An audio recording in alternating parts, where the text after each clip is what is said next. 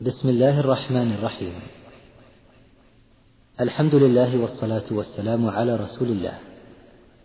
أيها الإخوة الكرام السلام عليكم ورحمة الله وبركاته. وبعد يسرها أن تقدم لكم هذه المجموعة من المحاضرات ضمن سلسلة أشراط الساعة والتي قام بإلقائها فضيلة الشيخ محمد صالح المنجد وتحتوي السلسلة على ما يلي. ضوابط شرعية في فهم أشراط الساعة.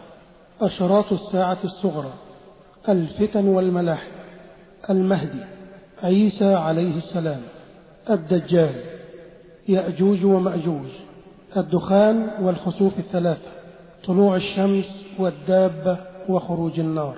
فوائد تربوية من أشراط الساعة. والآن نترككم مع الشريط الأول من هذه السلسلة.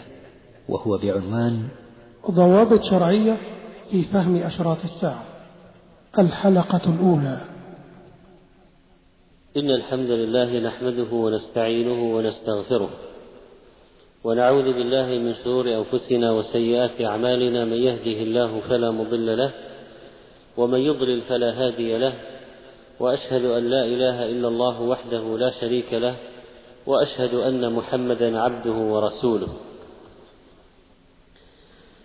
الحمد لله الذي بعث محمدا صلى الله عليه وسلم في نسم الساعة. هاديا ومبشرا ونذيرا. ومحذرا لما في اليوم الآخر من غضب الله تعالى وعقابه وأليم عذابه.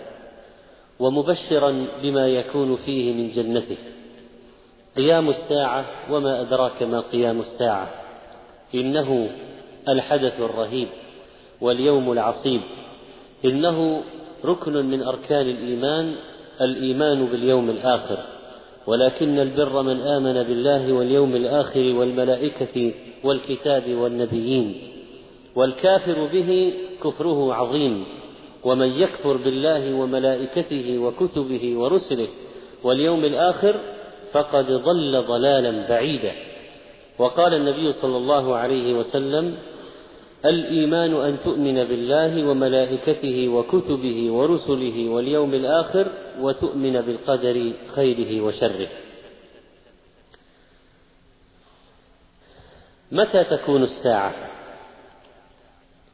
هل هي قريبة أم بعيدة؟ هل لها أشراط ومقدمات؟ ما هي هذه الأشراط؟ وما هي هذه المقدمات؟ لماذا أخفيت الساعة؟ متى تقع هذه الأشراط؟ ما أنواعها؟ ما هو موقفنا من أشراط الساعة؟ هل نحن مطالبون بإحداثها؟ هل نحن مطالبون بالمساهمة في تحقيقها في الواقع؟ ما هو الموقف؟ رحمك الله. ما هو الموقف من البحث في أشراط الساعة؟ هذه القضية المغيبة التي تريدها النفوس لأنها فطرت على معرفة المجهول وحب استطلاع المستقبل. ما هو موقفنا ممن تكلم في أشراط الساعة وطبقها تطبيقات عجيبة كما في هذا الزمان؟ زمن الحروب والفتن والأحداث العالمية الكبيرة التي عمد فيها بعض الناس إلى الربط بين أحاديث الفتن وأشراط الساعة وبين الحروب التي تقع في العالم وهذه الحوادث الكبيرة. هل أصاب هؤلاء أم أخطأوا؟ هؤلاء الذين تحدثوا أن الدنيا بعد النبي عليه الصلاة والسلام ألف وخمسمائة عام. وأن عمر هذه الأمة لا يجاوز الألف والخمسمائة. والذين تنبأوا متى تقوم الساعة وتكلموا عن ذلك.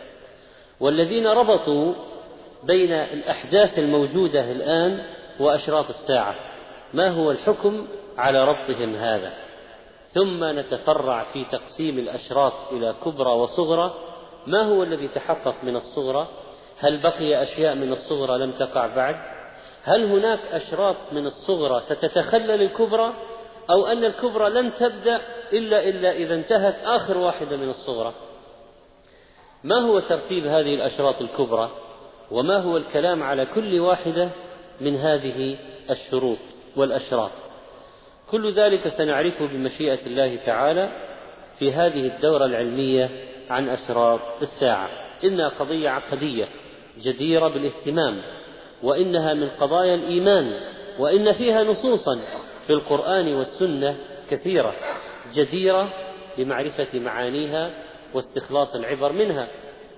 وكذلك حتى يكون عندنا ميزان جيد في النظر في الأمور وضوابط شرعية خصوصا أن هذه القضية خاض فيها كثيرون الربط بين الأحداث والأشراط. تفسير الأشراط بناء على الأحداث والقول إن فلان هو فلان المهدي هو فلان والسفياني هو حاكم العراق المخلوع إلى آخر ذلك.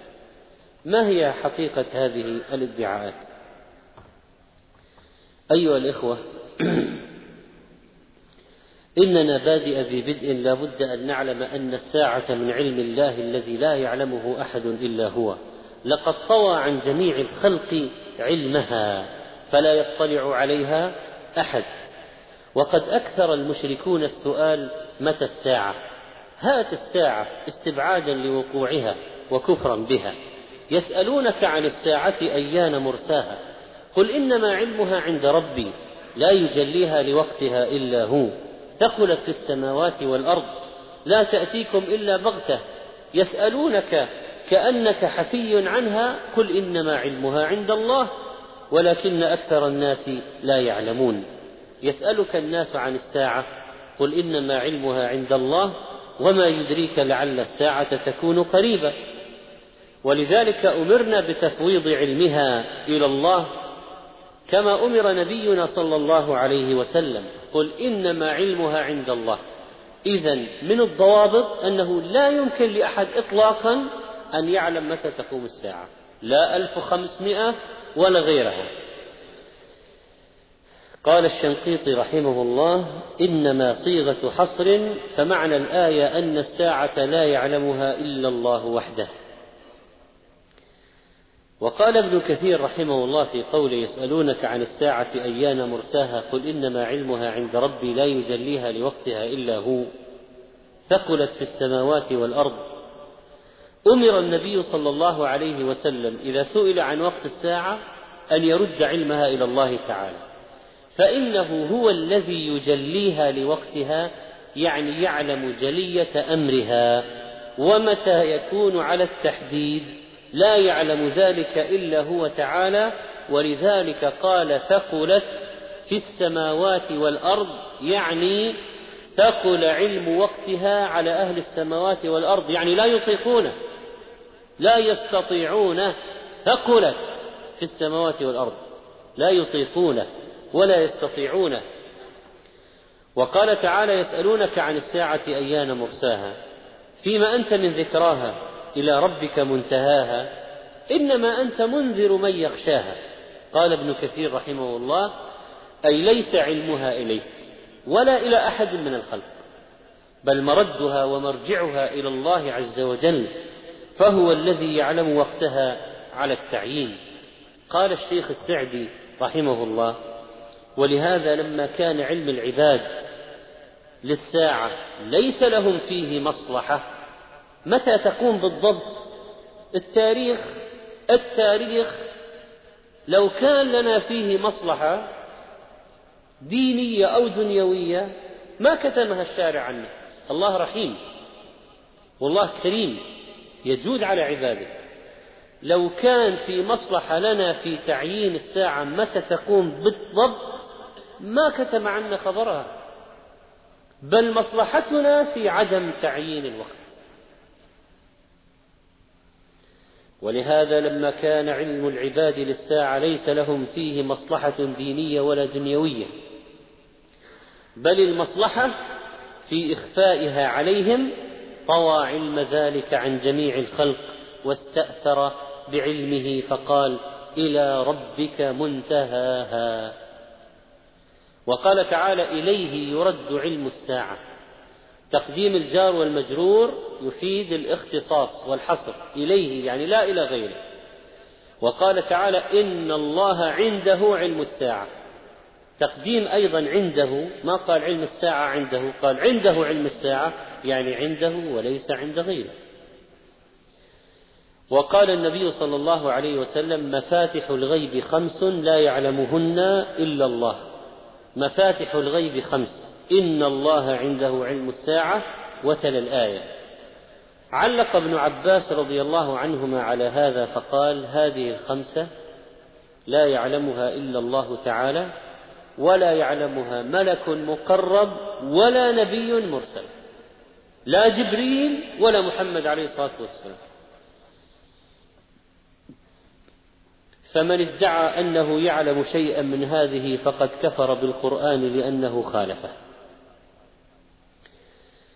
ومن الأحاديث التي تدل على أنه لا النبي عليه الصلاة والسلام ولا جبريل يعرفان متى الساعة لما قال له جبريل أخبرني عن الساعة فأجابه عليه الصلاة والسلام ما المسؤول عنها بأعلم من السائل.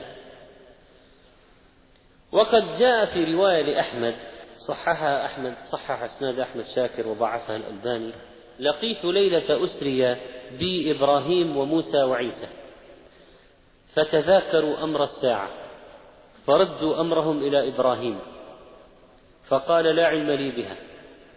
فردوا الأمر إلى موسى فقال لا علم لي بها.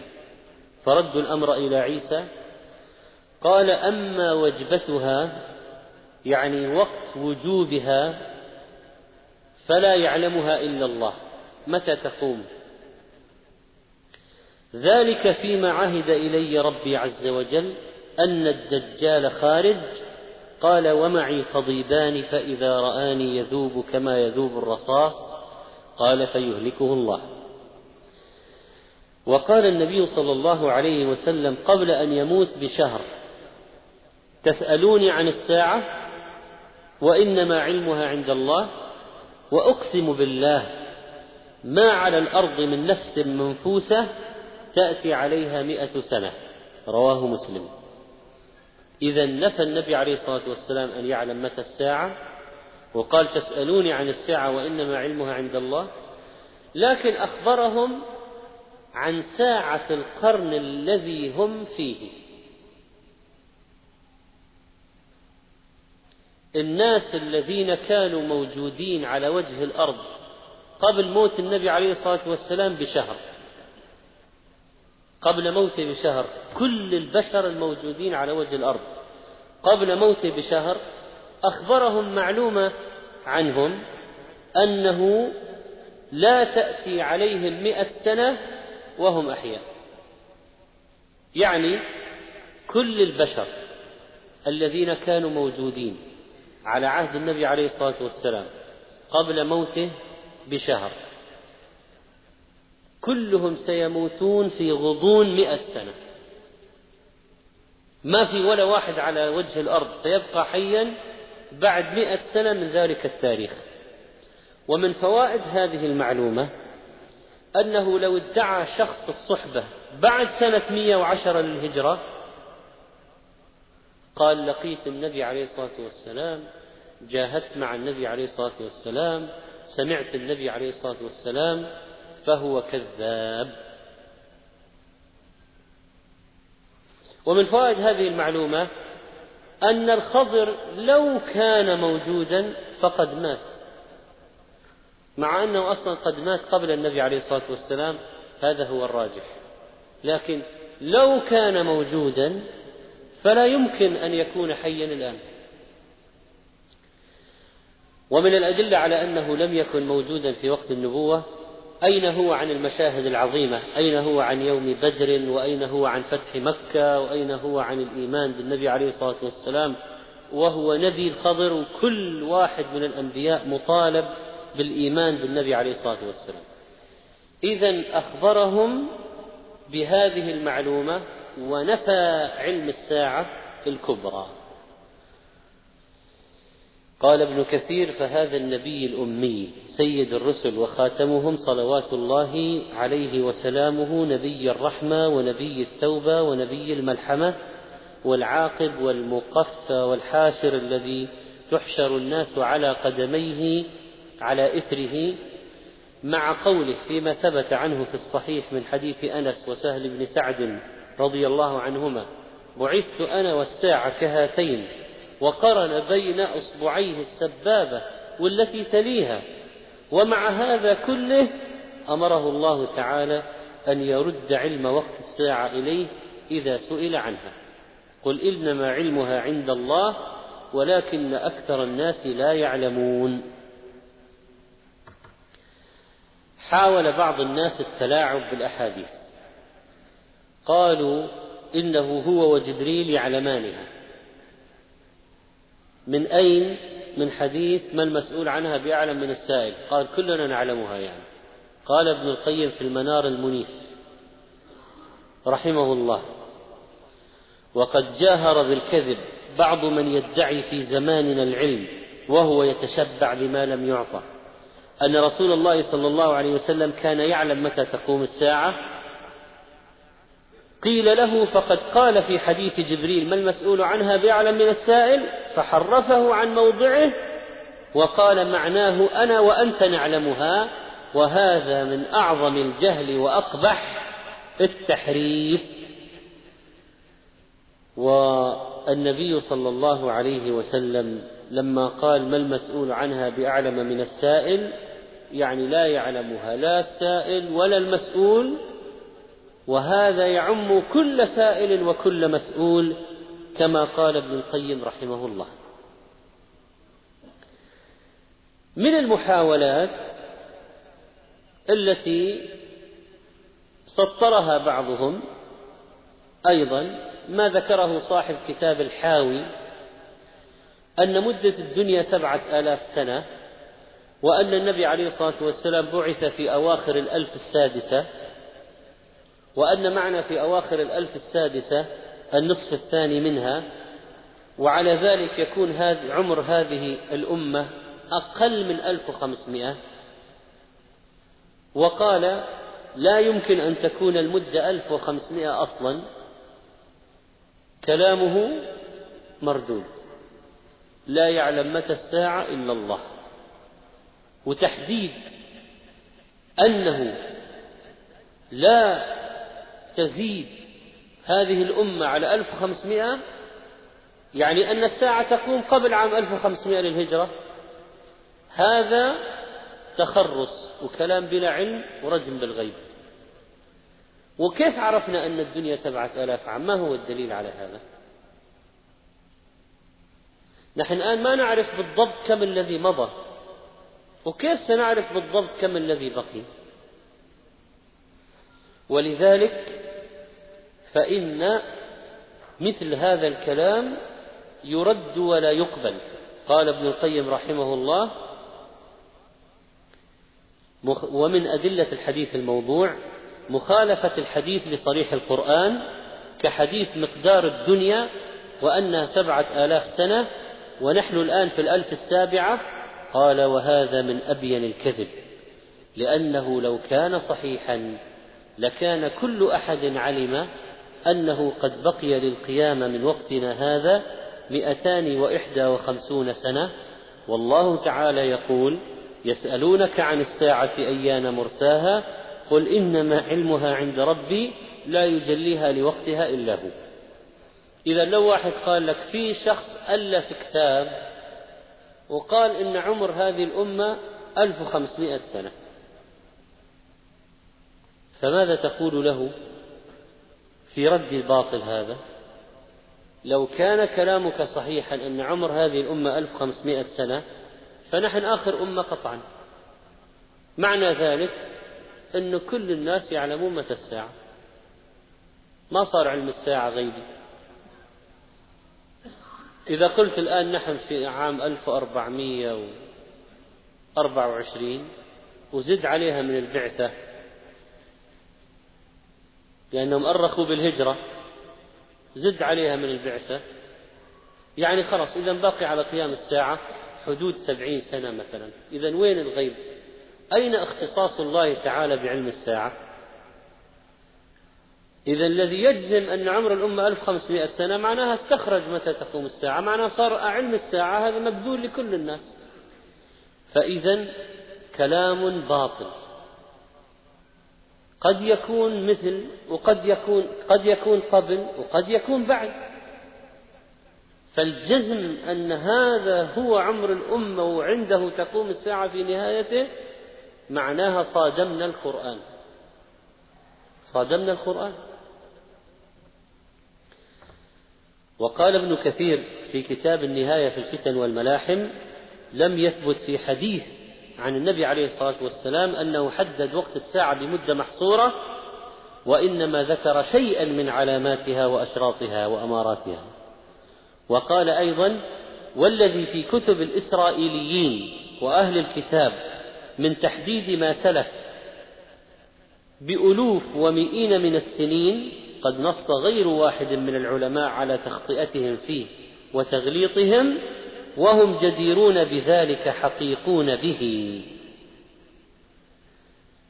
فكل حديث ورد فيه تحديد وقت القيامة على التعيين لا يثبت إسناده. قال السخاوي في المقاصد الحسنة كل ما كل ما ورد مما فيه تحديد لوقت يوم القيامة على التعيين فإما أن يكون لا أصل له أو لا يثبت إسناده. إذا من قال إن المهدي يظهر بعد الألف بمئتي سنة فيه من قال بهذا. وقد انقضت اليوم ألف وأربعمائة أو أكثر ولم يظهر المهدي. بعض الناس قالوا أو بعضهم قال إن الناس يمكثون بعد طلوع الشمس من مغربها 120 سنة ثم تقوم الساعة. ما هو الدليل؟ طيب لو طلعت الشمس من مغربها متى تنفخ النفخة التي يموت فيها الناس؟ الله أعلم. فالتحديد غلط. وهكذا وهكذا ممن حدد تواريخ ظهور الدجال بالتحديد ونزول عيسى بالتحديد. بالتاريخ قال مثلا عام ألف كذا يطلع الدجال وألف كذا ينزل عيسى. فإنه أيضا تخرص بلا علم. ما حكم من زعم أنه يعلم متى الساعة؟ لو طلع واحد وقال أنا أعرف متى تقوم الساعة. في بعض الصوفية مثلا يقولون بحساب الجمل الحروف المقطعة في أوائل السور لها لها مقابلها أرقام عند العرب وعند غيرهم وبعضهم يستعملها في التنجيم أباجاد أبجد هوز حطي إلى آخره يقولون الهمزة بواحد والباء باثنين والجيم بثلاثة والدال بأربعة والهاء بخمسة والواو بستة والزاي بسبعة وهكذا. إذا خلصت العشرة تبدأ الحروف اللي بعدها عشرة عشرين ثلاثين أربعين خمسين ستين سبعين ثمانين وتسعين. ثم اللي بعدها مئة مئتين ثلاثمائة هذه أرقام أعطيت للحروف ممكن تستعمل استعمالا صحيحا فإذا أراد الإنسان أن يعبر عن سنة معينة بالحروف يأخذ مثلا 1420 يطلعها بالحروف. العرب كانت تعد بهذا. في ناس أرادوا من وراء هذه الحسابات التوصل إلى متى الساعة عن طريق الأحرف المقطعة الموجودة في أوائل السور وهذا ضلال مبين. ومن مشايخ الصوفية من يقول أنا أعلمها. وحسابها كذا كذا وهي عام كذا كذا. قال ابن العربي في أحكام القرآن مقامات الغيب الخمسة التي لا يعلمها إلا الله. من ادعى علمها من ادعى علمها فقد كفر. كل من قال إنه ينزل الغيث غ... إنه ينزل الغيث غدا فهو كافر. وما... إلى آخر كلامه رحمه الله. إذا من جزم من جزم بأن عنده علم الساعة كافر لماذا؟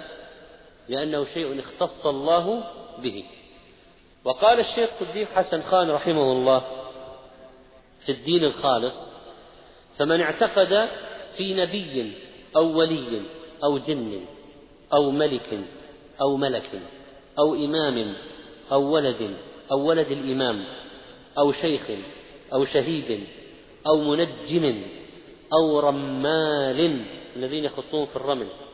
وفي ناس يضربون بالودع وفي ناس بكرة الكريستال في العصر الحديث. أو راهب أو جنية أو خبيث من ادعى أو اعتقد أن واحد من هؤلاء. له مثل هذا العلم يعلم الغيب فهو مشرك بالله. وعقيدته من أبطل الباطلات وأكذب المكذوبات. وقال الشيخ عبد الرحمن بن حسن آل الشيخ في فتح المجيد من يدعي معرفة علم شيء من المغيبات فهو إما داخل في اسم الكاهن أو مشارك له في المعنى فيلحق به. إذا علم الساعة استأثر الله به لا يجوز تعيينه ولا اعتقاد أن أحدا يعلم. وإذا عرفت هذه الحقيقة تعرف أن الاشتغال بتعيينه إضاعة وقت. يعني نحن إذا عرفنا أنه لا سبيل لمعرفة متى تقوم الساعة. إذا محاولة البحث في هذا الموضوع ما هو؟ إضاعة وقت. ترهات والذين ألفوا فيه يشغلون أنفسهم بالترهات ويشغلون الناس بالترهات. وهذه قضية مهمة. مع العلم الشرعي له فوائد في وقاية الناس من البحث في أشياء لا طائل من ورائها وهذه قضية مهمة. خذوا مثالا. لو أصحاب وكالة الفضاء ناسا يؤمنون بالله واليوم الآخر ويسيرون على دين الإسلام هل سيبحثون في إمكانية استقرار البشر على سطح المريخ والسكن عليه وإقامة مستعمرات للبشر في المريخ لماذا؟ لأن الله قال ولكم فيها مستقر.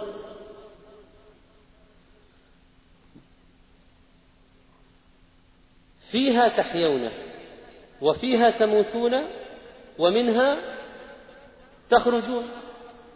نعم. تخرجون الأرض. أهبط الله آدم إلى هذه إلى هذا الكوكب.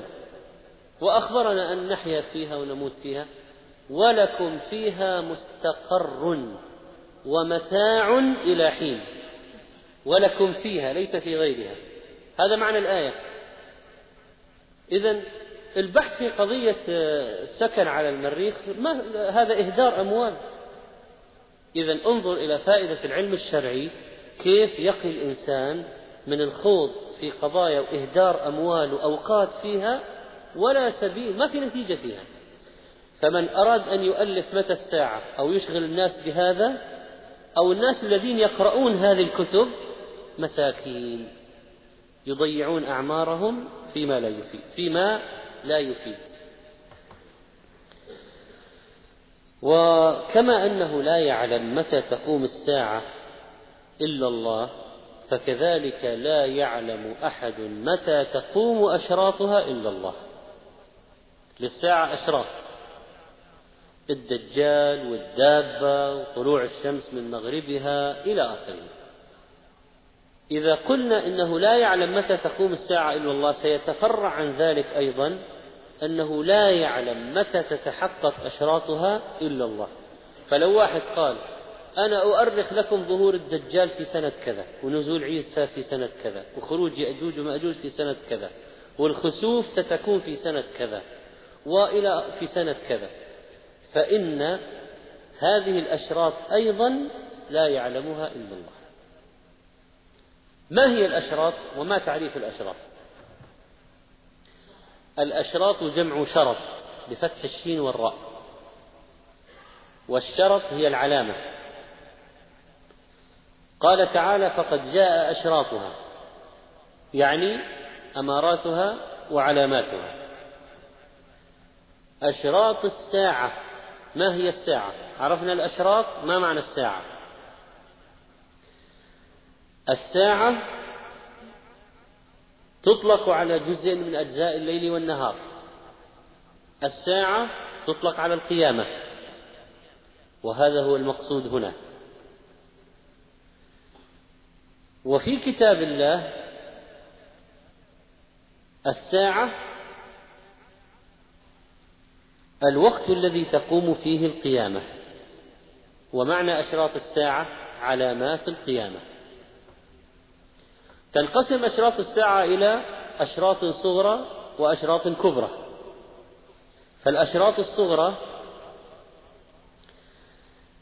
التي تتقدم الساعة بأزمان متطاولة وتكون من النوع المعتاد غالبا. أشراط الساعة الكبرى هي الأمور العظام التي تظهر قرب وقوعها وتكون غير معتادة الوقوع إذا لو واحد قال نريد أن نميز بين أشراط الساعة الكبرى والأشراط الصغرى فكيف نميز؟ نقول الأشراط الصغرى تحدث قبل قيام الساعة أو يبدأ حدوثها قبل قيام الساعة بزمن بأزمان متطاولة. ممكن تحدث قبل قيام الساعة بألف سنة. النبي عليه الصلاة والسلام أول أشراط الساعة. بعثته أول أشراط الساعة. كم مضى عليه؟ أكثر من 1420 سنة. وهو أول أشراط الساعة. وفي أشراط حدثت في عهده. اقتربت الساعة وانشق القمر. وفي أشراط حدثت بعد عهده. وفي أشراط حدثت في زماننا المتأخر. إذا أشراط الساعة الصغرى تتوالى على مدى طويل. أشراط الساعة الكبرى تتعاقب وراء بعض. كحبل خرز انقطع. فترى الخرزات تتوالى. هذا من الفروق. أن أشراط الساعة الصغرى تحدث قبل الساعة بأزمنة متطاولة. أشراط الساعة الكبرى تحدث قبلها بقليل. أشراط الساعة الصغرى تحدث على التراخي. ممكن تأخذ ألف وكذا مئة سنة وهي تحدث وتقع واحدة وراء واحدة. يعني ظهور الناس النبي عليه الصلاة والسلام النبي عليه الصلاة والسلام ظهر أول أشراط الساعة قبل أكثر من 1420 سنة. النار التي أضاءت أعناق الإبل ببصرى الشام خرجت في حدود سنة 654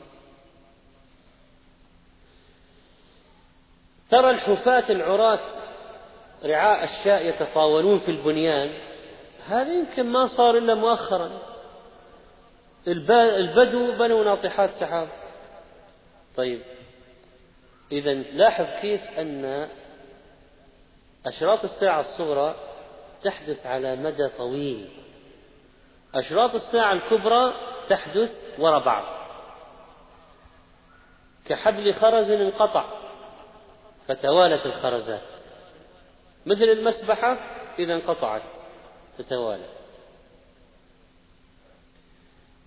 الفرق الثالث أن أشراط الساعة الصغرى من نوع الأمور المعتادة. ظهور الجهل ظهور الزنا. ما نقصد المعتادة يعني حلال ولا حرام؟ لا نقصد أن ذلك يحدث عادة. ليس من الخوارق مثلا ليس من الأشياء العجيبة جدا التي تذهل يذهل فيها الناس إذا صارت. لكن أشراط الساعة الكبرى من نوع الأشياء غير معتادة الوقوع. يعني يأجوج ومأجوج يخرجون يمسحون الأرض ويشربون بحيرة طبرية. هذا شيء. الدجال معه جنة ونار. الدجال سرعته كسرعة الريح. ويأتي على الأرض. يقول للأرض أخرجي كنوزك فتخرجها وتتبعه كنوز الأرض. يأمر السماء أن تمطر فتمطر يأمر الأرض تخرج النبات فتنبت بإذن الله. هذا غير معتاد. هذه هذه قضية هذه آه، لا يتخيلها الناس. هذه قضية لو صارت مذهلة جدا إذا درجة حجم الشيء إذا وقع من الفروق بين أشراط الساعة الكبرى والصغرى. وكذلك فإن الإيمان بأشراط الساعة من الإيمان بالغيب لأن هذا تبع لذاك. والذي يؤمن بالغيب سيؤمن بالساعة وبأشراط الساعة الكبرى والصغرى. وأول صفة وصف الله بها المؤمنين في سورة البقرة الذين يؤمنون بالغيب. الذين يؤمنون بالغيب. قال الطحاوي رحمه الله ونؤمن بأشراط الساعة من خروج الدجال ونزول عيسى بن مريم عليه السلام من السماء ونؤمن بطلوع الشمس من مغربها وخروج دابة الأرض من موضعها. وقال أبو حنيفة رحمه الله بعد أن ذكر عددا من علامات علامات يوم القيامة وسائر علامات يوم القيامة على ما وردت به الأخبار الصحيحة حق كائن والله يهدي من يشاء إلى صراط مستقيم. وقال الشيخ حافظ الحكمي في منظومته وبالمعاد أيقنا بلا تردد ولا ادعى علما بوقت الموعد ولا ادعى علما بوقت الموعد. ولا ادعى علم بوقت الموعد لكننا نؤمن من غير امترى بكل ما قد صح عن خير الورى من ذكر آيات تكون قبلها وهي علامات وأشراط لها. ما هي ثمرات الإيمان بأشراط الساعة؟ أولا تحقق ركن من أركان الإيمان الست. الذين يؤمنون بالغيب وفي حديث النبي عليه الصلاة والسلام ويؤمن بي وبما جئت به. قال ابن قدامة رحمه الله في لمعة الاعتقاد ويجب الإيمان بكل ما أخبر به النبي صلى الله عليه وسلم وصح به النقل عنه فيما شاهدناه أو غاب عنا نعلم أنه حق وصدق. وسواء في ذلك ما عقلناه وجهلناه ولم نطلع على حقيقة معناه مثل حديث الإسراء والمعراج ومن ذلك أشراط الساعة مثل خروج الدجال ونزول عيسى بن مريم عليه السلام فيقتله وخروج يأجوج ومأجوج وخروج الدابة وطلوع الشمس من مغربها وأشباه ذلك مما صح به النقل. ثانيا أن الإيمان بأشراط الساعة على النحو الذي جاءت به يثبت الإيمان ويقويه ويزيده. وذلك أنك إذا آمنت بها ورأيت وقوعها مثل الأشراط الصغرى وكيف انطبقت في الواقع ازددت إيمانا. وقلت حقا إنه الحق من عند ربنا. لما شاهد الصحابة انتصار الروم على فارس الله قال ألف لام ميم غلبت الروم في أدنى الأرض وهم من بعد غلبهم سيغلبون في بضع سنين. في بضع سنين. والبضع من الثلاث إلى التسع.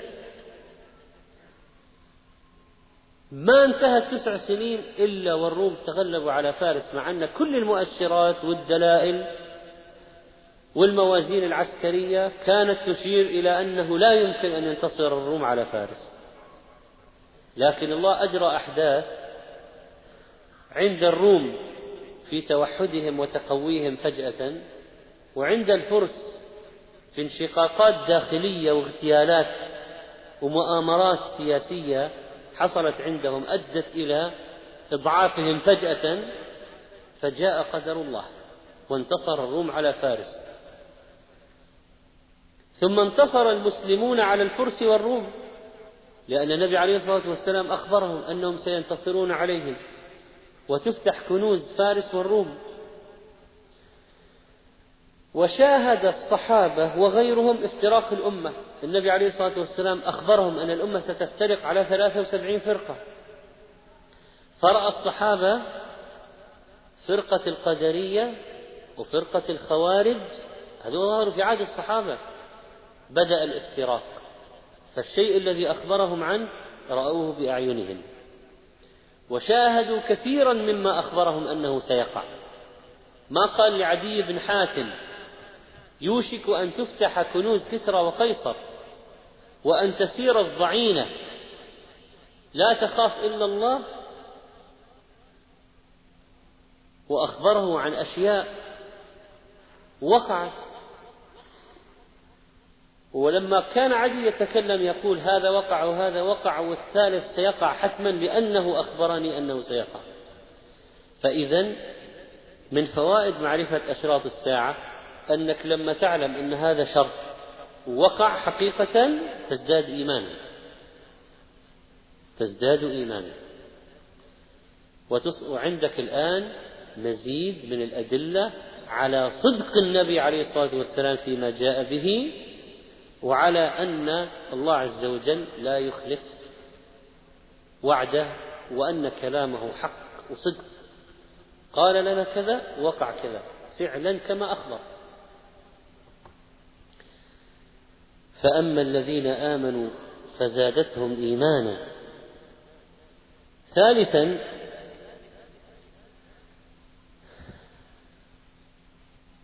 أن الناس يحبون معرفة المجهول. والمؤمن يود بالاطلاع على أحداث المستقبل. كل واحد يريد هذا. ففي ذلك تلبية تلبية لشيء من الحاجة البشرية في الاطلاع على أمور المستقبل. هذا من الفوائد. ثلاثة تلبية شيء من من الحاجة النفسية للبشر في الاطلاع على المستقبل. الناس الآن يذهبون إلى الدجالين والمنجمين ويقولون أخبرونا عن مستقبلنا. هذه كفي كيف يريدون الاطلاع على المستقبل. فإذا كان الأغبياء يتصلون والجهلة والكفرة يتصلون من فنلندا وبريطانيا والدول العربية والأجنبية على الدجال العراقي في إحدى القنوات الفضائية يقول له حط كفك على الشاشة. يعني ما أغبى منه إلا الذي حط كفك ويقرأ له. كما سمعنا وأخبرونا عن رجل أحدب العقل والظهر وأنه يقرأ الكف من الشاشة. على الهواء مباشرة. فإذا كان الناس عندهم من السذاجة بعضهم والغباء والجهل والشرك والكفر ما يجعلهم يقدمون على هذا فأهل الإيمان عندهم من التطلع أيضا للغيب ومحبة وإرادة معرفة ماذا يكون في المستقبل. فجاءت أشراط الساعة ذكرت لنا تلبية لهذه الحاجة البشرية لشيء منها لكي يعرف الإنسان شيئا مما سيقع في المستقبل. على الأقل عندك عندك أخبار وحقيقية وليست مثل هؤلاء الدجالين. رابعا أن الإخبار عن هذه الأمور المستقبلية ثم وقوع هذه الأمور مطابقة للخبر من أهم دلائل النبوة. وصدق النبي عليه الصلاة والسلام. لماذا؟ لأن الآن هناك معركة كبيرة. ما هو الدليل على أن محمد عليه الصلاة والسلام نبي؟ فانتبهوا المسألة هذه مهمة. الذين يشتغلون على الإنترنت بالذات ويتعاملون مع غير المسلمين. في معركة كبيرة أن محمد عليه الصلاة والسلام هل هو قائد عسكري؟ أو رجل ناجح أو سياسي ماهر أو عظيم من العظماء أو هو نبي. ففي كفار مستعدين يمشوا معك على أنه هو قائد عسكري وحاكم سياسي ناجح وعظيم من العظماء وبطل من الأبطال ورجل غير مجرى التاريخ. أيوة ما عندهم مانع. يمشون معك في هذا يقولون نعم. العرب كانوا أصلا إيش؟ مجموعة بدو في صحراء. كيف صاروا انتشروا في الأرض؟ وكيف وراء أندونيسيا؟ كيف الدين هذا وصل أندونيسيا؟ وصل المغرب وصل أذربيجان وأرمينيا وجمهوريات الاتحاد السوفيتي. كيف؟ أكيد يعني كان في عبقرية حربية وكان في يعني شخصية فذة وراء هذا الموضوع. أكيد يعني. وعندهم كتب في التاريخ يعني تثبت من نفس كتابهم ومؤرخيهم. لكن إذا قلت محمد عليه الصلاة والسلام نبي ويجب الإيمان بما جاء به وهو خاتم الأنبياء يقولون لك لا. إحنا نؤمن لحد أنه عظيم من العظماء. لكن أنه نبي خاتم الأنبياء لا. لكم أنتم اعتقادكم له فكيف نثبت لهم أنه نبي؟ لو جاءك واحد كافر قال لك الآن أثبت لي أنه نبي. من وسائل إثبات أنه نبي أنك تقول له تعال. يا أيها الكافر تعال. إحنا عندنا عندنا نصوص شرعية. هذا الرجل الذي يدعي أنه نبي أخبرنا عن أشياء ستقع في المستقبل. هذه مخطوطات كتب قديمة في البخاري ومسلم وأحمد.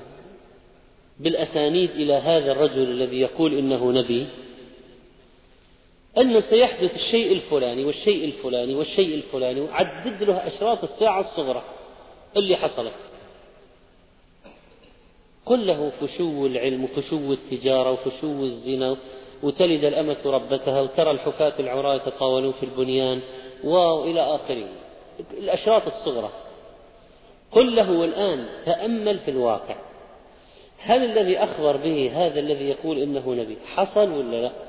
تعال نأخذها واحدة واحدة.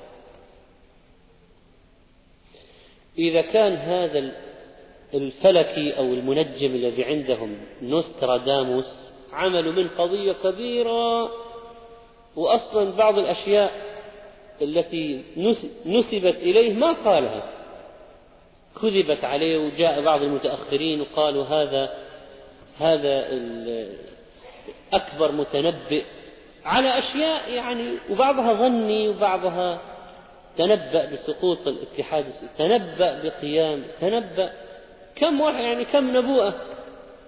وبعضها نسبت إليه وليس هو الذي كتبها. فالغربيون يعني يعظمونه جدا. فما بالك لو ثبت للغربيين أن هناك رجلا محمد بن عبد الله صلى الله عليه وسلم أخبر عن أشياء أضعاف أضعاف التي أخبر عنها نوستراداموس هذا بالعدد وبالحجم وبالدقة وحصلت كما أخبر. هذا من أكبر الإثباتات على أنه نبي. لأن الشخص العادي لا يمكن أن يحدد بالدقة كل هذه الأشياء وتقع كما أخبر. فهذه من الفوائد المهمة لمعرفة أشراط الساعة في إظهار دلائل النبوة. عالم الغيب فلا يظهر على غيبه أحدا إلا من ارتضى من رسول. فالله أطلع نبيه عليه الصلاة والسلام على أشياء من الغيب. ما هو على كل الغيب؟ ليس على كل الغيب على أشياء من الغيب. أخبرنا بها عليه الصلاة والسلام. فوقع كثير منها كما أخبر وسيقع الباقي بالتأكيد. خمسة. أننا أخبرنا عن أشراط الساعة. كي نتعامل معها. بالطريقة الشرعية ولا يلتبس علينا أمرها.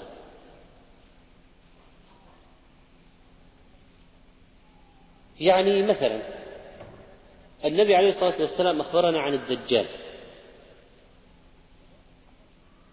لماذا أخبرنا عنه بالتفصيل؟ أخبرنا عن عينه اليمنى كيف شكلها. وعينه اليسرى كيف شكلها. وما هو مكتوب في جبينه بين عينيه. وأخبرنا عن الأشياء التي معه. وعن مدة مكثه في الأرض. لماذا أخبرنا بالدقائق عن الدجال؟ حتى لا يلتبس علينا أمره إذا خرج. مهما ورانا من الخوارق لا يلتبس علينا أمره إنه دجال. ومن الفوائد أيضا أن الواحد يتهيأ نفسيا لما سيكون. في فرق كبير أن يحدث الشيء فجأة وأنت ما عندك أي خلفية عنه. وفي فرق أن يحدث وأنت عندك فكرة عن الموضوع. تصور الآن عثمان بن عفان رضي الله عنه مثلا لما حاصره الثائرون عليه الذين ألبهم ابن سبأ وغيره لماذا ما نزع نفسه من الخلافة؟ قالوا اخلع نفسك من الخلافة. ليش عثمان ما خلع نفسه من الخلافة؟ عثمان لماذا ما هو السبب الذي من أجله على أي شيء بنى موقفه؟ لماذا عثمان عفان رضي الله عنه ما نزع نفسه من الخلافة. حاصروه. حاصروه. ومسألة فيها إراقة دماء الآن قضية كبيرة. وما خلع نفسه من الخلافة. لأن هناك نص نبوي وخبر أخبره عنه الصادق المصدوق عليه الصلاة والسلام. قال يا عثمان إن الله مقمصك قميصا. فإن أرادك المنافقون على خلعه فلا تخلعه. فعثمان تصرف بناء على معلومة خبر سابق من النبي عليه الصلاة والسلام. عمار أخبره عليه الصلاة والسلام أنه تقتله الفئة الباغية. وبناء على هذا قرر أين يقاتل ومع من يقاتل. أبو ذر رضي الله عنه لماذا اعتزل الفتنة في وقت من الأوقات؟ لأن النبي عليه الصلاة والسلام أمره بهذا. نحن الآن لو ظهر جبل انحسر الفرات عن جبل من ذهب وهذا سيقع قطعا مئة بالمئة. مئة بالمئة سيقع قطعا الفرات نهر الفرات المعروف بأرض العراق والشام سينحسر الفرات عن جبل من ذهب. هذا النهر الذي يمتد من تركيا والعراق وسوريا نهر الفرات سينحسر عن جبل من ذهب بالتأكيد لأن هذا خبر الصادق المصدوق عليه الصلاة والسلام. لو نحن كنا هناك ورأينا بأعيننا الجبل في الشهر القادم بعد سنة بعد عشر سنين بعد خمسين سنة الله أعلم. افرض أننا رأيناه ما هو الموقف؟ إذا حضرته ورأيته ما هو الموقف الشرعي؟ ها؟ قال فمن حضره فلا يأخذ منه شيئا. فمن حضره فلا يأخذ منه شيئا. وأخبر أن الناس يقتتلون عليه ويقتل من كل مئة تسعة وتسعين وكل واحد يقول لعلي أكون أنا الذي أنجو وأرث هذا الجبل من الذهب. فمن حضره فلا يأخذ منه شيئا. إذا من فوائد الإخبار عن أشراط الساعة أننا نعرف ما هو الموقف الشرعي إذا حصل الشيء الفلاني. إذا نزل عيسى ما هو الموقف الشرعي؟ إذا سمعنا أنه نزل. ما هو الموقف الشرعي أن نذهب إليه مباشرة ونقاتل معه وننضم إلى جيشه بالتأكيد. ما فيها نقاش. وإذا ظهر الدجال موقف الشرعي الذي لا يأمن على نفسه يهرب منه يجب عليه أن يهرب منه. ولا يقول أنا بإيماني أتصدى وسأقف وأقاوم الدجال. يفر الناس من الدجال إلى الجبال. إذا ظهر جبل الذهب جبل الفرات ما هو الموقف الشرعي منه؟ وهكذا من فوائد أشراط الساعة أنه أنك تعرف ما هو الموقف الشرعي إذا حدث الحدث المعين.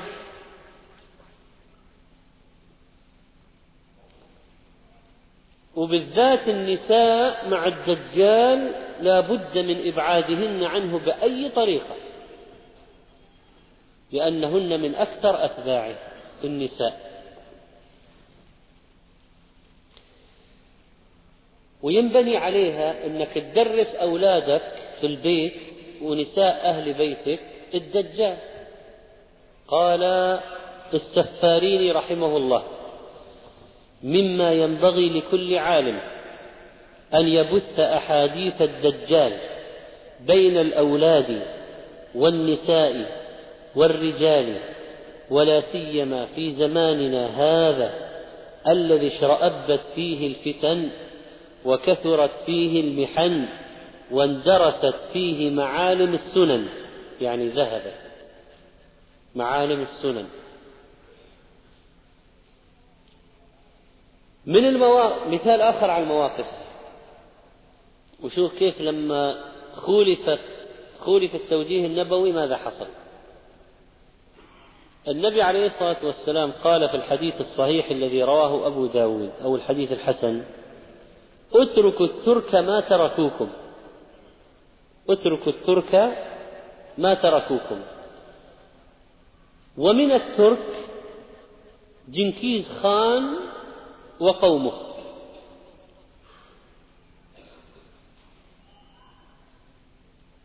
جنكيز خان وقومه. الذين اكتسحوا العالم الإسلامي وقتلوا في بغداد مليوني شخص ذبح ذبح كالنعاج. ما هو من هو المسؤول عن هذه القضية وكيف بدأت يعني؟ بدأت القضية بمخالفة حديث اتركوا الترك ما تركوكم كيف؟ قال ابن كثير رحمه الله في البداية والنهاية وقد قتل جنكيز خان من الخلائق ما لا يعلم عددهم إلا الذي خلقهم. ولكن كانت البداءة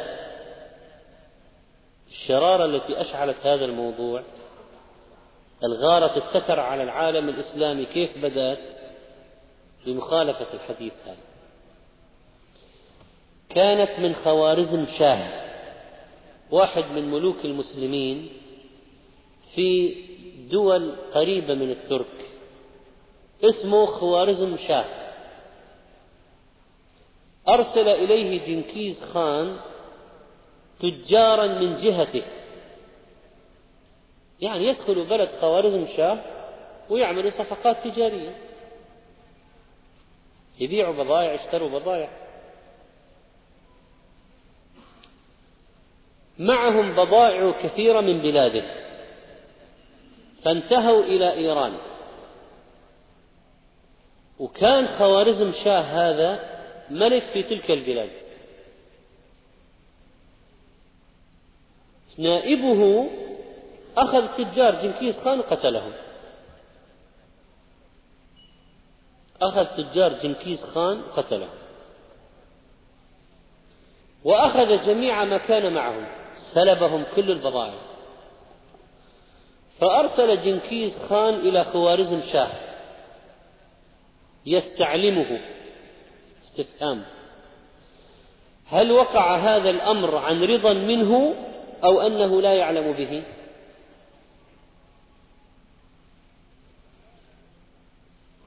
وقال له في الرسالة جنكيز خان من المعهود عن الملوك أن التجار لا يقتلون. وهم الذين يحملون إلى الملوك ما فيه التحف والأشياء النفيسة. ثم إن هؤلاء التجار كانوا على دينك. يقول أرسلت لك ناس مسلمين. هم من شعبي لكن مسلمين. فقتلهم نائبك الذي يحكم على إيران. فإن كان أمرا أمرت به طلبنا بدمائهم.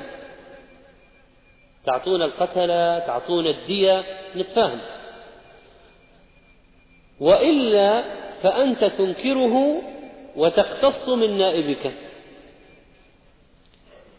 من الذي جاء الآن رسول من عند جنكيز خان إلى خوارزم شاه يقول هذا كلام جنكيز خان. فلما سمع خوارزم شاه ذلك من رسول جنكيز خان ماذا فعل؟ أخذ الرسول قتله كمل قال ابن كثير لم يكن له جواب سوى أنه أمر بضرب عنقه فأساء التدبير. وقد كان خرف خرف وكبرت سنه. وقد ورد في الحديث اتركوا الترك ما تركوكم.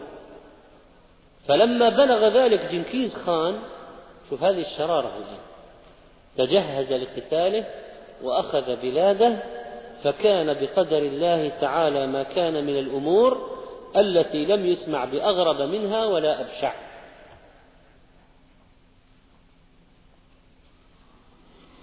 فهناك يعني ترى من سياسة المسلمين في الفتوحات أنهم كانوا يعملون حساب هذه الأشياء. ولذلك مثلا قال اتركوا الحبشة ما تركوكم.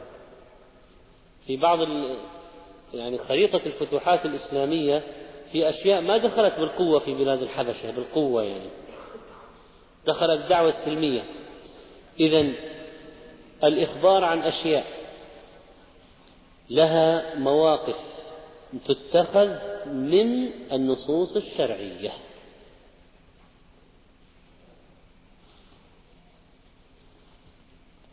وسنكمل الحديث بعد الأذان إن شاء الله. وسادسا من فوائد معرفة أشراط الساعة. فتح باب الأمل. لأن من أشراط الساعة ما فيه بيان نصر الإسلام وأنه يعم الأرض وأن دين اليهود والنصارى سيزول. ونحو ذلك من البشائر ولذلك كان درس هذا الموضوع وعلمه وفهمه مما يبعث الأمل في النفس ويقوي عزائم المسلمين بهذه البشارات النبوية أن النصر والتمكين سيكون من نصيب هذا الدين والمسلمين. وسابعا من فوائد معرفة أشراط الساعة أن فيها بيان لأحكام شرعية ومسائل فقهية. فعلى سبيل المثال عندما أخبرنا النبي صلى الله عليه وسلم أن الدجال سيمكث في الأرض أربعين يوما يوم كسنة ويوم كشهر ويوم كجمعة وباقي أيامه عادية كأيامنا هذه. إذا اليوم هذا الذي طوله كالسنة الأربع وعشرين ساعة طلوع الشمس غروب الشمس طلوع الفجر هذا اليوم المعروف الذي فيه طلوع شمس غروب شمس إلى الليل الفجر هذا سيمضي طولا كالسنة. يعني سيكون بطيئا جدا تطلع الشمس بطيئة حتى تخرج وترتفع بطيئة يمكن طلوع الشمس يأخذ له كذا وقت. إلى ما تصير الشمس في كبد السماء يأخذ له كذا شهر. حتى تغرب يبغى لك كذا شهر طول الليل كذا شهر. هذا اليوم الطويل البطيء الذي يقول عنه بعض الناس بالعامية يا نهار مش فايت. لأنهم يستطيلون دائما. اليوم اللي فيه أزمات الواحد يريد أن ينقضي بسرعة. أول يوم يطلع فيه الدجال على الشدائد والمحن التي فيه مثل السنة في الطول. يوم كامل مثل السنة. الآن هذا اليوم أول ما الصحابة سمعوا الكلام وهم أحرص الناس على العبادة أول ما تبادر لأذهانهم أن يسألوا عنه الصلاة. ناس مهتمين بالعبادة. الصلاة. قالوا يا رسول الله أتكفي فيها صلاة يوم؟ هذا اليوم الذي طوله كالسنة تكفينا فيه خمس صلوات؟ قال لا اقدروا له قدره. لا لا تكفيكم. اقدروا له قدره. فنقدر كم؟ مثلا بين الظهر والعصر في الأيام العادية كم؟ وإذا انتهت المدة هذه صلينا العصر. بين العصر والمغرب في الأيام العادية كم؟ إذا انتهت المدة هذه صلينا المغرب. وهكذا. ونصلي ظهر وعصر فجر ظهر عصر مغرب فجر ظهر عصر. ولسه الشمس ما يمكن ما طلعت. ما اكتمل طلوع قرص الشمس نحن نصلي ظهر عصر فجر هذا الكلام أفاد في بيان حكم الصلاة في بعض جهات الأرض. عندما يكون الليل يكون ست أشهر ليل وست أشهر نهار كيف يصلوا الناس؟ في بعض الدول الإسكندنافية وأماكن في أقصى شمال الأرض. في نهار ستة شهور ليل ستة شهور نهار كيف يصلوا الناس؟ ما هو المرجع في هذا؟ حديث الدجال. حديث الدجال. طيب وكيف يصوم الناس؟ متى يبدأ يومهم؟ متى يبدأ صيامهم؟ متى ينتهي صيامهم؟ من وين استفدنا؟ من حديث الدجال. إذا بعض أشراط الساعة فيها فيها أحكام فقهية تنفعنا. ثامنا حث النفس على طاعة الله والاستعداد ليوم الحساب. قال الحافظ ابن حجر رحمه الله والحكمة في تقدم الأشراط إيقاظ الغافلين وحثهم على التوبة والاستعداد. وقال القرطبي والحكمة في تقديم الأشراط ودلالة الناس عليها. يعني ليش نحن نثير قضية أشراط الساعة؟ ليه؟ لماذا لماذا نفتح محاضرات عن الموضوع؟ ولماذا نقرأ في الكتب ونحث الناس على القراءة في الموضوع؟ ولماذا نخطب في الموضوع هذا؟ ما هي فائدة تذكير الناس بأشراط الساعة؟ الاستعداد لها. الاستعداد للآخرة. حتى الواحد يتصور حجم موضوع كبير وخطير وجدير بالاهتمام ويستعد. وهذه تكاد تكون أعظم فائدة لدراسة موضوع أشراط الساعة. والحكمة في تقديم الأشراط ودلالة الناس عليها تنبيه الناس عن رقدتهم وحثهم على الاحتياط لأنفسهم بالتوبة والإنابة كي لا يباغتوا بالحول بينهم وبين تدارك العوارض منهم. فينبغي للناس أن يكونوا بعد ظهور أشراط الساعة قد نظروا لأنفسهم وانقطعوا عن الدنيا واستعدوا للساعة الموعود بها. وهكذا أيضا سنجد حديث النبي صلى الله عليه وسلم بادروا بالأعمال ستا. إيش يعني بادروا بالأعمال؟ يعني انتهزوا الفرصة تسابقوا إلى عمل الصالحات القضية خطيرة. قبل أن بكروا بالأعمال قبل أن. قال بادروا بالأعمال ستا. اعملوا الأعمال الصالحة قبل أن تخرج ستة أشياء. بادروا بالأعمال ستا طلوع الشمس من مغربها. أو الدخان أو الدجال أو الدابة أو خاصة أحدكم أو أمر العامة. فإنه يقول يا أيها الناس افعلوا الصالحات قبل أن تخرج أن تأتي ستة أشياء. افعلوها قبل ستة أشياء. طلوع الشمس من مغربها. لأن إذا طلعت من مغربها لا ينفع نفسا إيمانها لم تكن آمنت من قبل. أو الدخان أو الدجال أو الدابة أو خاصة أحدكم. فسر العلماء خاصة أحدكم بالموت لأنه الموت خاص بكل واحد. يعني كل واحد يسارع في عمل الصالحات قبل أن يأتيه الخاص. ما هو الخاص به؟ الموت. أو أمر العامة فسروه بقيام الساعة. الحديث رواه مسلم. وفي رواية خويصة أحدكم يعني الموت الذي سيأتي لكل واحد خصوصا. قال القاضي أمرهم أن يبادروا بالأعمال قبل نزول هذه الآيات فإنها إذا نزلت أدهشت. وإذا أدهشت أشغلت. يعني إذا جاء الدجال طلعت الشمس الدخان ما الناس يكونون الآن في أمر مريج ما عاد عند الواحد الآن يعني صفاء ذهن واطمئنان نفسي أن يعمل بالعبادات لأن الآن في وقت الكرب العظيم الناس مشدوهين مندهشين مشغولين بالحدث الكبير الضخم الذي وقع.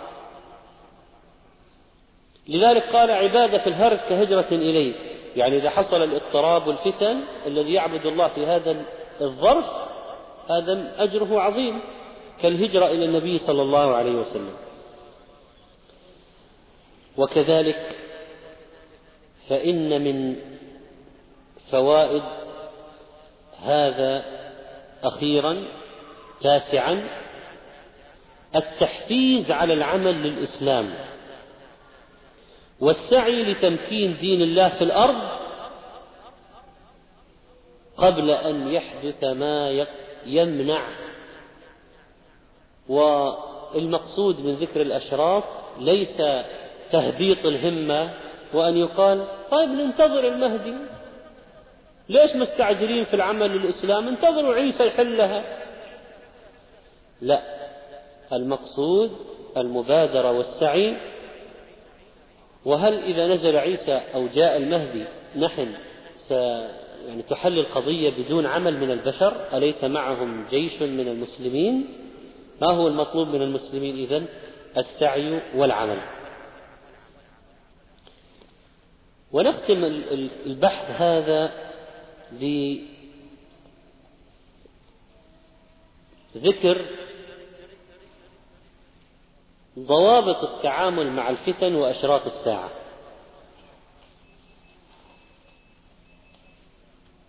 لما تعرض قضية أشراط الساعة وتذكر هذه الأشياء المغيبات والمعلومات الكثيرة ما هو المتوقع منا؟ هل المتوقع منا مثلا أن نسعى في تحقيقها؟ يعني الواحد يسمع أن الحفاة يتطاولون في البنيان فيقول خلينا نروح نبني ناطحة سحاب حتى نحقق أشراط الساعة. يسمع مثلا أن الفرات يحسر عن جبل من ذهب فهل المطلوب منا نروح نبحث عنه حتى نخرجه لتتحقق يعني شرط من أشراط الساعة؟ هل ما هو مطلوب منا في قضية أشراط الساعة؟ وفي أشياء فيها حد أحداث ضخمة ما هو المطلوب منا؟ هل المطلوب منا أن نفعل كما يفعل بعض هؤلاء الجهلة يؤلفون كتب ينزلون فيها الأحداث اللي صارت في الخليج والحروب هذه ويفصلون لها من الأحاديث أشياء بزعمهم تناسبها هل هذا مطلوب منا؟ ما هو المطلوب منا بالنسبة لأشراط الساعة؟ والقضية فيها مفاجآت ضخمة أشراط الساعة أحداث ضخمة كبيرة أولا الحلم والتثبت والتأني وعدم العجلة والطيش. الحلم والتثبت والتأني وترك العجلة والطيش. هذه من أهم الأشياء. وقد جاءت الأحاديث بأن التأني من الله والعجلة من الشيطان. وجاءت الأحاديث والآيات تحث على التثبت والتبين فتثبتوا فتبينوا. والرد إلى أهل العلم وعدم الاستعجال لعلمه الذين يستنبطونه منهم. يقول عبد الله بن مسعود رضي الله عنه إنها ستكون هناك أمور مشبهات فعليك بالتؤدة فتكون تابعا في الخير خيرا خير من أن تكون رأسا في الشر. إنك أن تكون تابعا في الخير أحسن من أن تكون رأسا في الشر. لو كنت جندي في جيش الحق أحسن من أن تكون قائد جيش الضلالة. وعن حذيفة رضي الله عنه أنه ذكر فتنة فقال تشبه مقبلة وتبين مدبرة. ما معنى؟ قال شمر رحمه الله معناه أن الفتنة إذا أقبلت شبهت على القوم. وأرتهم أنهم على الحق حتى يدخلوا فيها ويركب منها ما لا يحل. فإذا أدبرت وانقضت بان أمرها فعلم من دخل فيها أنه كان على خطأ. فعلم من دخل فيها أنه كان على خطأ. ويبين هذا رواية عن حفص بن غياث مع سفيان الثوري. وهذه رواية مهمة. في اتخاذ المواقف والتأني والحذر والتثبت. عن حفص بن غياث قال قلت لسفيان الثوري يا أبا عبد الله إن الناس قد أكثروا في المهدي. كل واحد يقول المهدي طلع. فلان المهدي ما دريتم المهدي. طيب. فما تقول فيه؟ شوف كلام سفيان. قال إن مر على بابك إن مر على بابك المهدي فلا تكن منه في شيء حتى يجتمع الناس عليه. إن مر على بابك فلا تكن منه في شيء حتى يجتمع الناس عليه. يعني حتى تتأكد يقينا أنه هو. وما تتأكد يقينا أنه هو؟ إذا بايعه الناس كلهم اجتمعوا عليه. خلاص توحدت الأمة معه.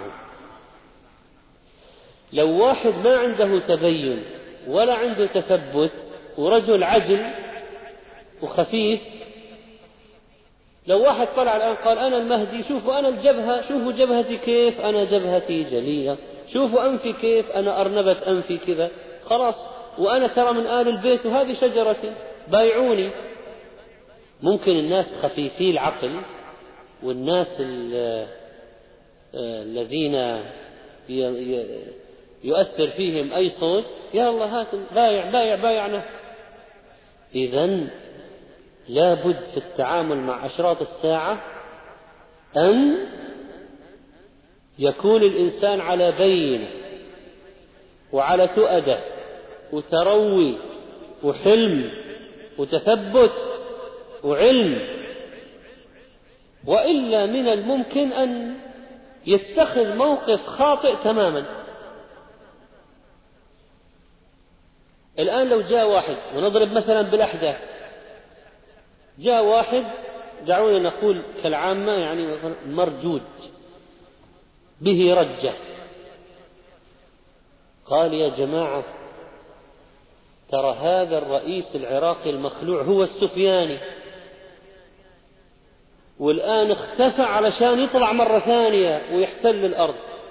يا سلام. والحل؟ قالوا نروح نقاتل معه. فما حكم هذا العمل؟ هل هذا موقف صادر عن علم؟ هل هذا موقف تبين؟ هل هذا موقف تثبت؟ هل هذا موقف حكيم؟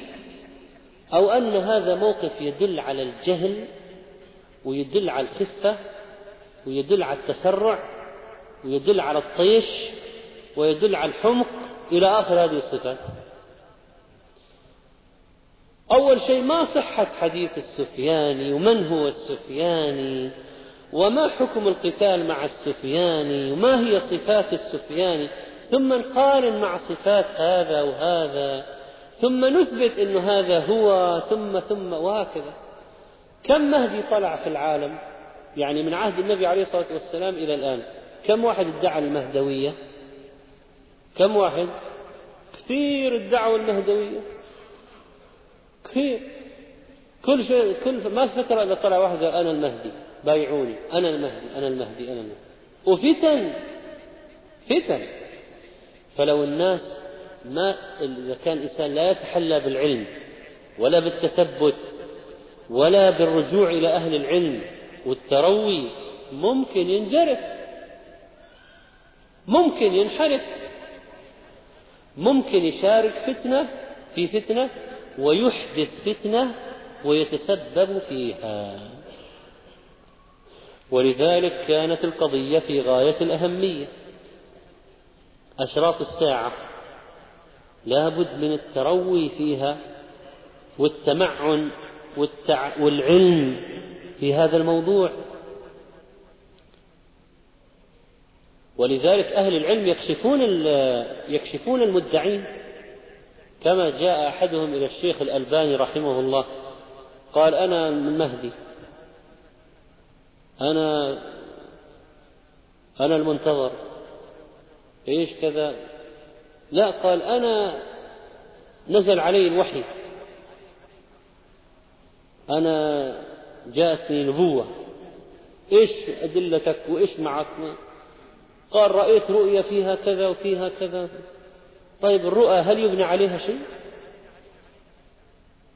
وغيره. قالوا أشوف أنوار صفراء وحمراء وخضراء قال هذه إشارات مرور تمشي بس بالكلام. فإذا كان الإنسان عنده علم يكشف هؤلاء وإذا كان جاهل ممكن يصدق ممكن أي واحد يطلع ب... ب... من أشراط الساعة يقول وأنا كذا وأنا كذا. قال عمرو بن العاص رضي الله عنه في وصف الروم. إن فيهم لخصالا أربعا. إنهم لأحلم الناس عند فتنة. وأسرعهم إفاقة بعد مصيبة. وأوشكهم كرة بعد فرة. وخيرهم لمسكين ويتيم وضعيف. وخامسة حسنة جميلة وأمنعهم من ظلم الملوك. رواه مسلم. الشاهد منه إنهم لأحلم الناس عند فتنة. يقول ابن الروم هؤلاء وإن كانوا كفار لكن فيهم فيهم صفات فيهم أشياء جيدة. ومن العدل من العدل أن يذكر ما في أعدائنا من الإيجابيات. يقول الروم فيهم خصال إنهم لأحلم الناس عند فتنة. يعني إذا صارت فتنة لا تطيش عقولهم بسرعة ولا يعرفون ماذا يفعلون وتضطرب أمورهم تختل. في عندهم تأني وحلم ويتعاملون مع الأزمات بروية. فإذا هذا هو المفروض فينا ونحن نتعامل مع قضية أشراط الساعة ومع غيرها. ثانيا لا يستنكر توقع حصول شيء من أشراط الساعة بالشروط الشرعية. إن ترقب حصول أشراط الساعة التي تقع بإرادة الله عز وجل الكونية القدرية ليست بدعة ولا خطأ. خاصة إذا تعاقبت المقدمات وجاءت الأحداث موافقة للأخبار. يعني النبي عليه الصلاة والسلام لما ذكر أصحابه بالدجال وخفض ورفع وعظم من شأنه وحقره في نفسه لأنه يهودي كافر الصحابة من كثرة ما سمعوا من النبي عليه الصلاة والسلام في الدجال ظنوا أنه في طائفة النخل يعني ظنوا أنه قريب يعني قريب الموجود جنب قريب الآن في النخل. النخل الآن في المدينة سيخرج الآن. ثم شك الصحابة في ابن صياد وهذا أحد أولاد اليهود واسمه صاف. صاف صاف. ابن صياد اليهودي. شكوا أنه هو الدجال. وبعضهم صارح النبي عليه الصلاة والسلام وحلف أن ابن صياد هو الدجال. لأنه ظهرت من ابن صياد وهذا الكلام هذا طبعا حدث في العهد النبوي ظهرت علامات تدل على أشياء يعني يعني يخبر بمغيبات ويدعي علم يعني فمن من بعض العلامات شكوا أنه هو الدجال. والنبي عليه الصلاة والسلام كان أخبرهم قبلها أن هناك يعني عن خروج الدجال فظنوا أن هذا هو هذا. النبي عليه الصلاة والسلام في أول الأمر ما نفى. ما قال ليس هو. ما قال ليس هو. انتظر حتى يرى. هل ستنطبق عليه بقية العلامات الدجال؟ يعني هل هذا سيخرج فعلا ومعه جنة ونار ومعه؟ ليرى ثم طمأن أصحابه لما رأى فيهم الخوف من من هذا الشخص. قال لهم إن يخرج وأنا فيكم فأنا حجيجه دونكم. إن يخرج وأنا فيكم أنا سأتولى موضوع الدجال. أنا سأحاجه أقيم عليه الحجة وأفحمه. وكذلك جاء عن أبي ذر الغفاري يعني في توقعه لنزول عيسى عليه السلام قال ما تؤيسني رقة عظمي ولا بياض شعري أن ألقى عيسى ابن مريم. يعني يقول أنا لا أستغرب ولا أستبعد حتى لو أنا سني تقدمت أن ألقى عيسى. قد قد ينزل وألقى قد. إذا توقع مجيء وحصول الأشرار ليس بدعة. يعني لو جاءك واحد قال لك يا شيخ هذه كل الكلام بعيد وينك وين الدجال؟ ما هو صحيح. ما هو صحيح. قد يخرج في حياتنا. لماذا؟ لأن الصحابة جاءت أخبار أنهم أن بعضهم جزم أن ابن صياد هو الدجال في البداية جزم. وبعضهم تراجع عن ذلك لما تبين له أنه ليس هو الدجال وبعضهم لا زال يخفى عليه الأمر. بعضهم قال اختفى ابن صياد وسيعود للظهور في آخر الزمان. وقال ابن حجر في نهاية الكلام بعد الكلام الطويل إن ابن صياد دجال من الدجاجلة وليس هو الدجال الأكبر. الدجالون كثيرون ومدعون النبوة فيهم ثلاثون كذابون كلهم يدعي أنه نبي من الكبار وفي أصغر منهم يدعون النبوة صغار. فإذا إذا وقعت علامات تدل على انطباق الأخبار عليها ما في مانع. ما المانع؟ فلا نستبعد. يعني واحد يقول لا يمكن يقع ما هو؟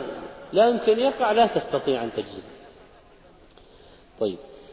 بقي كلام في الضوابط التعامل مع أشراط الساعة. ما هي الضوابط الشرعية في التعامل مع أشراط الساعة؟ ذكرنا منها التروي والتثبت والتبين وعدم العجلة. اثنين لا نجزم باستبعاد وقوع شيء منها إذا انطبقت الأخبار عليه. وسنواصل الكلام إن شاء الله في هذا الموضوع في الدرس القادم الاثنين والأربعاء بين المغرب والعشاء السبت الاثنين والأربعاء بين المغرب والعشاء. ثم إذا انتهينا من الضوابط سنتكلم في أشراط الساعة الصغرى التي حصلت وما هي الأشراط الباقية من الصغرى التي ما حصلت. ثم ننطلق في الأشراط الكبرى ونتكلم عنها بالتفصيل. الدجال والمهدي وعيسى ويأجوج ومأجوج والدخان والدابة إلى آخره بمشيئة الله تعالى وصلى الله وسلم على نبينا محمد.